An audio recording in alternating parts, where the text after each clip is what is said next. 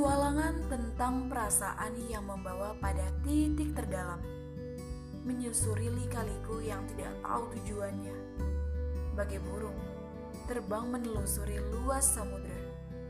Bebas kapan dan di mana ia akan singgah.